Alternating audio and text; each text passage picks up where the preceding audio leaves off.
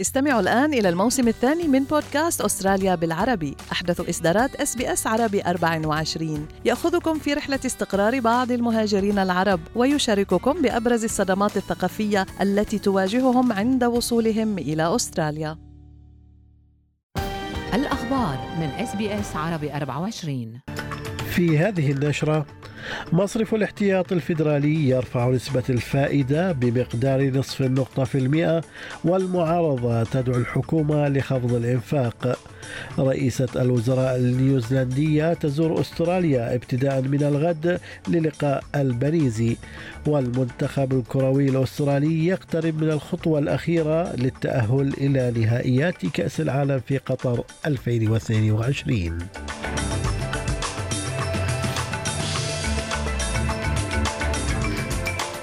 سليم الفهد يحييكم وإليكم التفاصيل.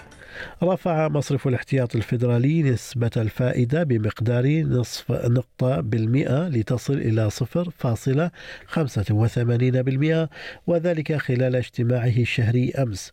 وقد توالت ردود الفعل على هذا الإجراء الذي جاء أعلى من سقف التوقعات الاقتصاديين. وقال وزير الخزانة الفيدرالي جيم تشالمرز إنه يشعر بالتعاطف مع العائلات الأسترالية التي ستعاني من الزيادة الكبيرة في نسبة الفائدة. وأضاف أن القرار الأخير سيضيف ضغطا أكبر على ميزانيات العائلات لكنه أشار إلى أن الحكومة يمكنها المساعدة من خلال تعزيز الاقتصاد. Australians already know that. Because they're paying ever higher prices for their groceries and for their energy and now to service their mortgage as well. The Albanese Labor government does not underestimate the serious combination of challenges that we have inherited. من جانبه قال المتحدث باسم المعارضة الفيدرالية لشؤون الخزانة أنجس تايلر إن على الحكومة الآن خفض الإنفاق غير الضروري المحلل الاقتصادي في اس بي اس عربي 24 عبد الله عبد الله قال إن العوامل مثل ارتفاع معدلات التضخم والحرب في أوكرانيا والتأخير في سلاسل التجهيز وراء قرار المصرف لكنه لفت أيضا إلى عامل محلي آخر. كمان كان ملفت بالمصرف بحسب المصرف المركزي إنه كمان لفت للعوامل المحلية اللي كمان عم تلعب دور. واساسها كانت القدرات الاستيعابية يعني في ضغوط على القدرات الاستيعابية الكاباسيتي تبع القطاعات اقتصادية كثير كبيرة واساسها ضغط على سوق العمل لأنه اليوم في يعني في نقص بالعمالة. أكد رئيس الوزراء أنطونيو ألبانيزي أن زيارته إلى أندونيسيا أرست أساسا قويا لتعميق العلاقات الثنائية بشكل أفضل في تشرين الثاني نوفمبر عندما يحضر قمة مجموعة العشرين في بالي. وعاد رئيس الوزراء إلى أستراليا بعد زيارة استغرقت يومين لأندونيسيا حيث اتفق البلدان على مزيد من التعاون بشأن التغير المناخي والتجارة. وقال الباريزي إن الزيارة كانت مثمرة وأنه يتطلع إلى زيارة أندونيسيا لحضور قمة مجموعة العشرين We are in the fastest growing region of the world in human history, and it's going to get faster. That represents an incredible opportunity for an advanced economy like Australia going forward. Indonesia will grow to be one of the top five economies in the world in coming years. What that represents is enormous opportunity uh, for Australia. من جانب آخر حث المدافعون عن حقوق اللاجئين البنيزي على إعادة النظر في سياسة حكومته بشأن اللاجئين في أندونيسيا وعملت أستراليا على مدار العقدين الماضيين على تقديم الأموال للمساعدة في تجديد وتوسيع مراكز احتجاز المهاجرين في أندونيسيا لمنع وصول طالبي اللجوء بالقوارب إلى البلاد. وتقول فابيا كلاريج من مجموعة People Just Like Us إن حوالي 14 ألف لاجئ محاصرون في أندونيسيا دون حقوق عمل لأكثر من عقد من الزمان وإنها تدعو الحكومة الأسترالية إلى شمولهم ضمن دفعة واحدة من اللاجئين These people are the human face of Stop the Boats. They have been either sent back or prevented from coming to Australia. Many of them have families in Australia. Half of them are from Afghanistan. We know they can't go back. Many are Hazaras from Afghanistan. Others are Rohingya who are stateless. Um, they have nowhere to go. Indonesia is not a signatory to the UN Convention. ألقت الصين باللائمة على أستراليا في المواجهة الأخيرة مع طائرة عسكرية أسترالية ووصفتها بأنها تهديد لسيادة الصين وأمنها وكانت وزارة الدفاع الأسترالية قد أعلنت عن أن طائرة صينية اعترضت وبشكل خطير طائرة, طائرة استطلاع عسكرية أسترالية فوق منطقة بحر الصين الجنوبي في آيار مايو لكن المتحدث باسم الخارجية الصينية تشاو لي جيان قال إن الإجراءات العسكرية الصينية كانت معقولة وقانونية. The Australian military aircraft is a serious threat to China's sovereignty and security. The response and measures taken by the Chinese military are professional, safe, reasonable, and legal. The Australian side has blatantly distorted the truth, repeatedly spread false information, and advocated confrontation. China firmly opposes this. ستقوم رئيسة الوزراء النيوزيلندية جاسيندا آدن بزيارة إلى أستراليا هذا الأسبوع وبذلك تصبح أول رئيسة حكومة أو رئيس حكومة يلتقي برئيس الوزراء أنتوني ألبانيزي على الأراضي الأسترالية.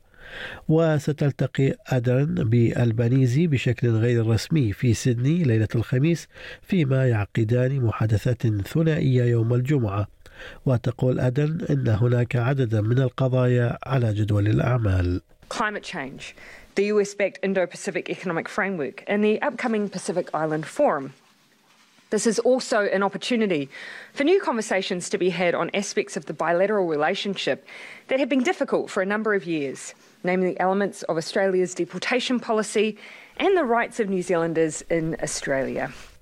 خففت مصر لهجتها إزاء إعلان أثيوبيا بدء ملء جديد لسد النهضة الموقف الجديد جاء على لسان الرئيس عبد الفتاح السيسي الذي قال إن حصة مصر من مياه نهر, نهر النيل لن تتغير.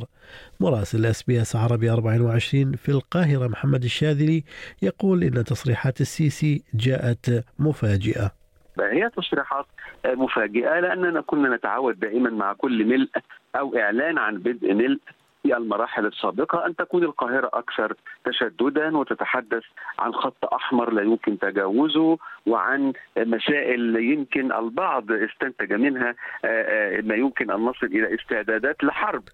سيلتقي رئيس الوزراء البريطاني بوريس جونسون بمجلس وزرائه في محاولة للحفاظ على قيادته بعد فشل اقتراع سحب الثقة ضده. ويصر جونسون على أنه حقق نصرا حاسما على الرغم من تصويت 148 نائبا من نواب حزبه على استبعاده من منصب رئيس الوزراء.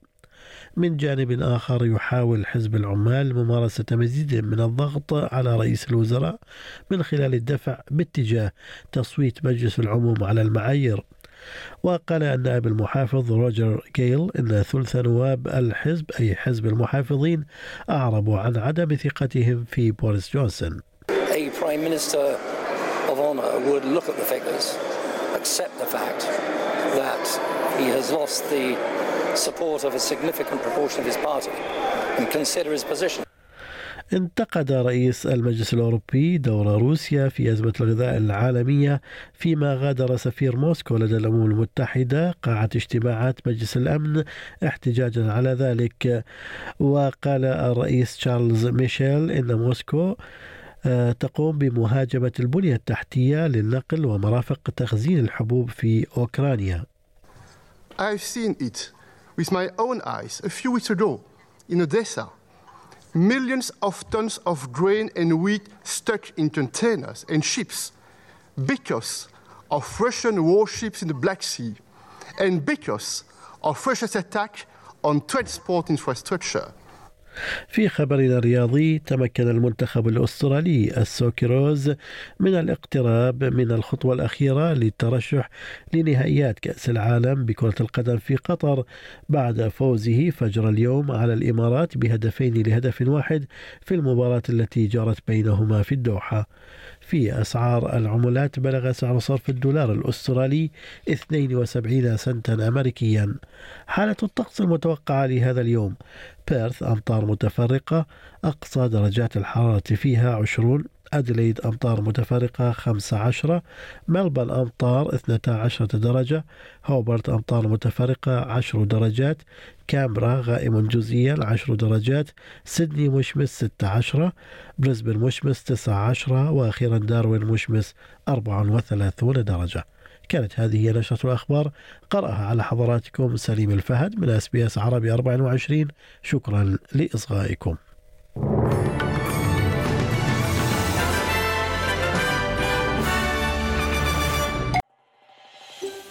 هل تريدون الاستماع إلى المزيد من هذه القصص؟ استمعوا من خلال Apple Podcasts، Google Podcasts، Spotify أو من أينما تحصلون على البودكاست